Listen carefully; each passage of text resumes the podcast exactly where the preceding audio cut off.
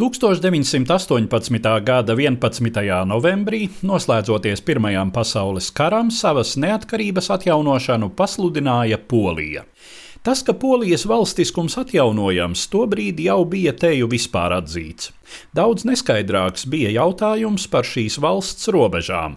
Polija, kas bija pastāvējusi no 10. gadsimta līdz 18. gadsimta nogalei, dažādos laikos bija aptvērusi dažādas teritorijas, uz kurām tagad pretendēja arī citas valstis - Čehoslovākija, Ukraina, Baltijas nācijas. Arī karā sakautā Vācija nebūtu nebija gatava labprātīgi šķirties no savām provincēm, kurās kādreiz bija valdījuši poļu karaļi. Tur, kur poļi bija nepārprotamā vairākumā, kā Lielpolijā, zemēs ap Poznaņas pilsētu, jautājums samērā ātri tika atrisināts par labu Polijai. Citāda situācija bija tagadējās Polijas ziemeļaustrumos, toreizējās Austrumprūsijas dienviddaļā. 1910. gada Vācijas tautas skaitīšanas dati vēsta, ka strīdus teritorijā dzīvojuši 693 tūkstoši iedzīvotāju, no kuriem poļu valodā vai tai radniecīgajā mazūriešu dialektā runājuši 268 tūkstoši jeb nepilni 39%. Citi avoti gan min citādi dažādas proporcijas līdz pat 61% nevācu iedzīvotāju. Parīzes miera konference, kurai bija jāpieņem galīgais lēmums par teritorijas piederību, izšķīrās par tolaik visai izplatītu risinājumu - iedzīvotāju nobalsošanu jeb plebiscītu. Tas tika sarīkots 1920. gada 11. jūlijā. Plebiscīta teritorija tika pakļauta karā uzvarējušo valstu pārstāvju komisijai. Šeit tika dislocēti franču, britu un itāliešu armijas kontingenti. Tomēr administratīvais aparāts un policija palika tie paši vācu. Abas puses izvērsa aktīvu propagandas kampaņu.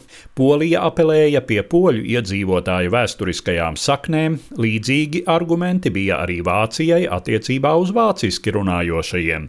Pie tam vācu avīzes avīzes un aģitātori klāstīja, ka jaunā polijas valsts ir nestabila, mazattīstīta, un tai draud bolševisma briesmas, un šie argumenti nebija gluži bez pamata. Diemžēl ar aģitāciju un propagandu viss neaprobežojās. Vairāk nekā 200 tūkstoši vāciešu iesaistījās tā dēvētajā Austrumvācijas tēvijas dienestā.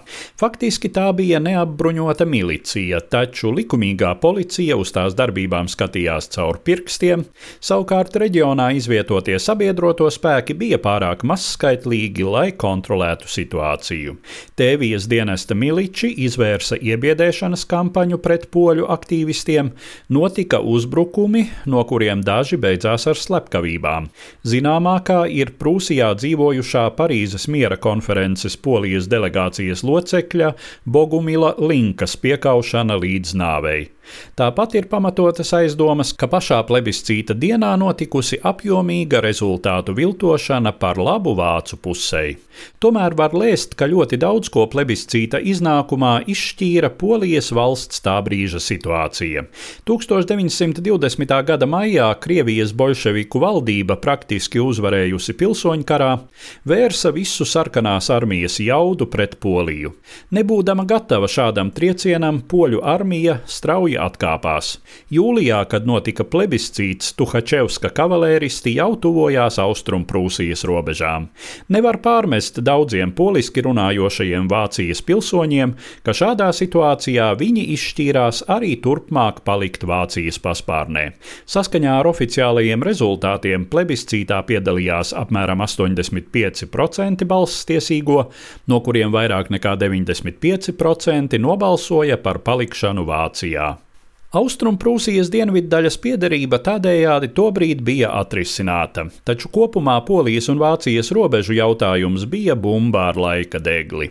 Lai nodrošinātu Polijas pieeju jūrai, tika izveidots tā sauktais poļu koridors, kas atšķēla Austrumprūsiju no pārējās Vācijas. Abās robežas pusēs palika lielas poļu un vācu minoritātes.